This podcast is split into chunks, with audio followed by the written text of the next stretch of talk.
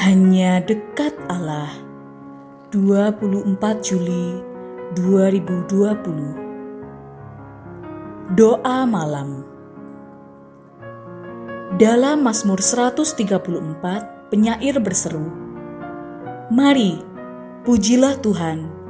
Hai semua hamba Tuhan yang datang melayani di rumah Tuhan pada waktu malam Angkatlah tanganmu ke tempat kudus dan pujilah Tuhan.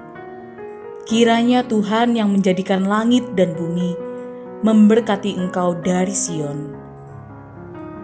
Dalam Alkitab Bahasa Indonesia masa kini tertera, Mari, pujilah Tuhan, hai semua hamba Tuhan, semua yang berbakti di rumahnya pada waktu malam.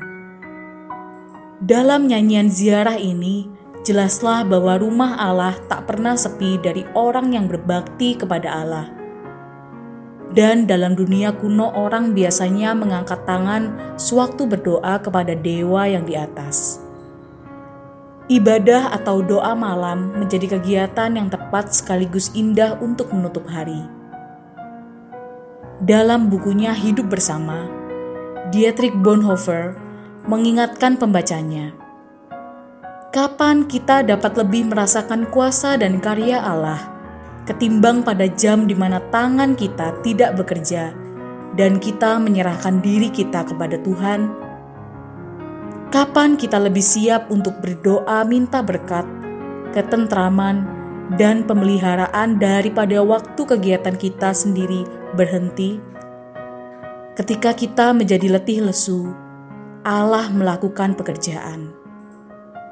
Sahabat, masih menurut Bonhoeffer, doa malam menjadi sarana yang indah untuk secara khusus memohonkan pengampunan atas setiap kesalahan yang dilakukan kepada Allah dan sesama. Juga kesediaan untuk memaafkan kesalahan yang dilakukan orang kepada kita.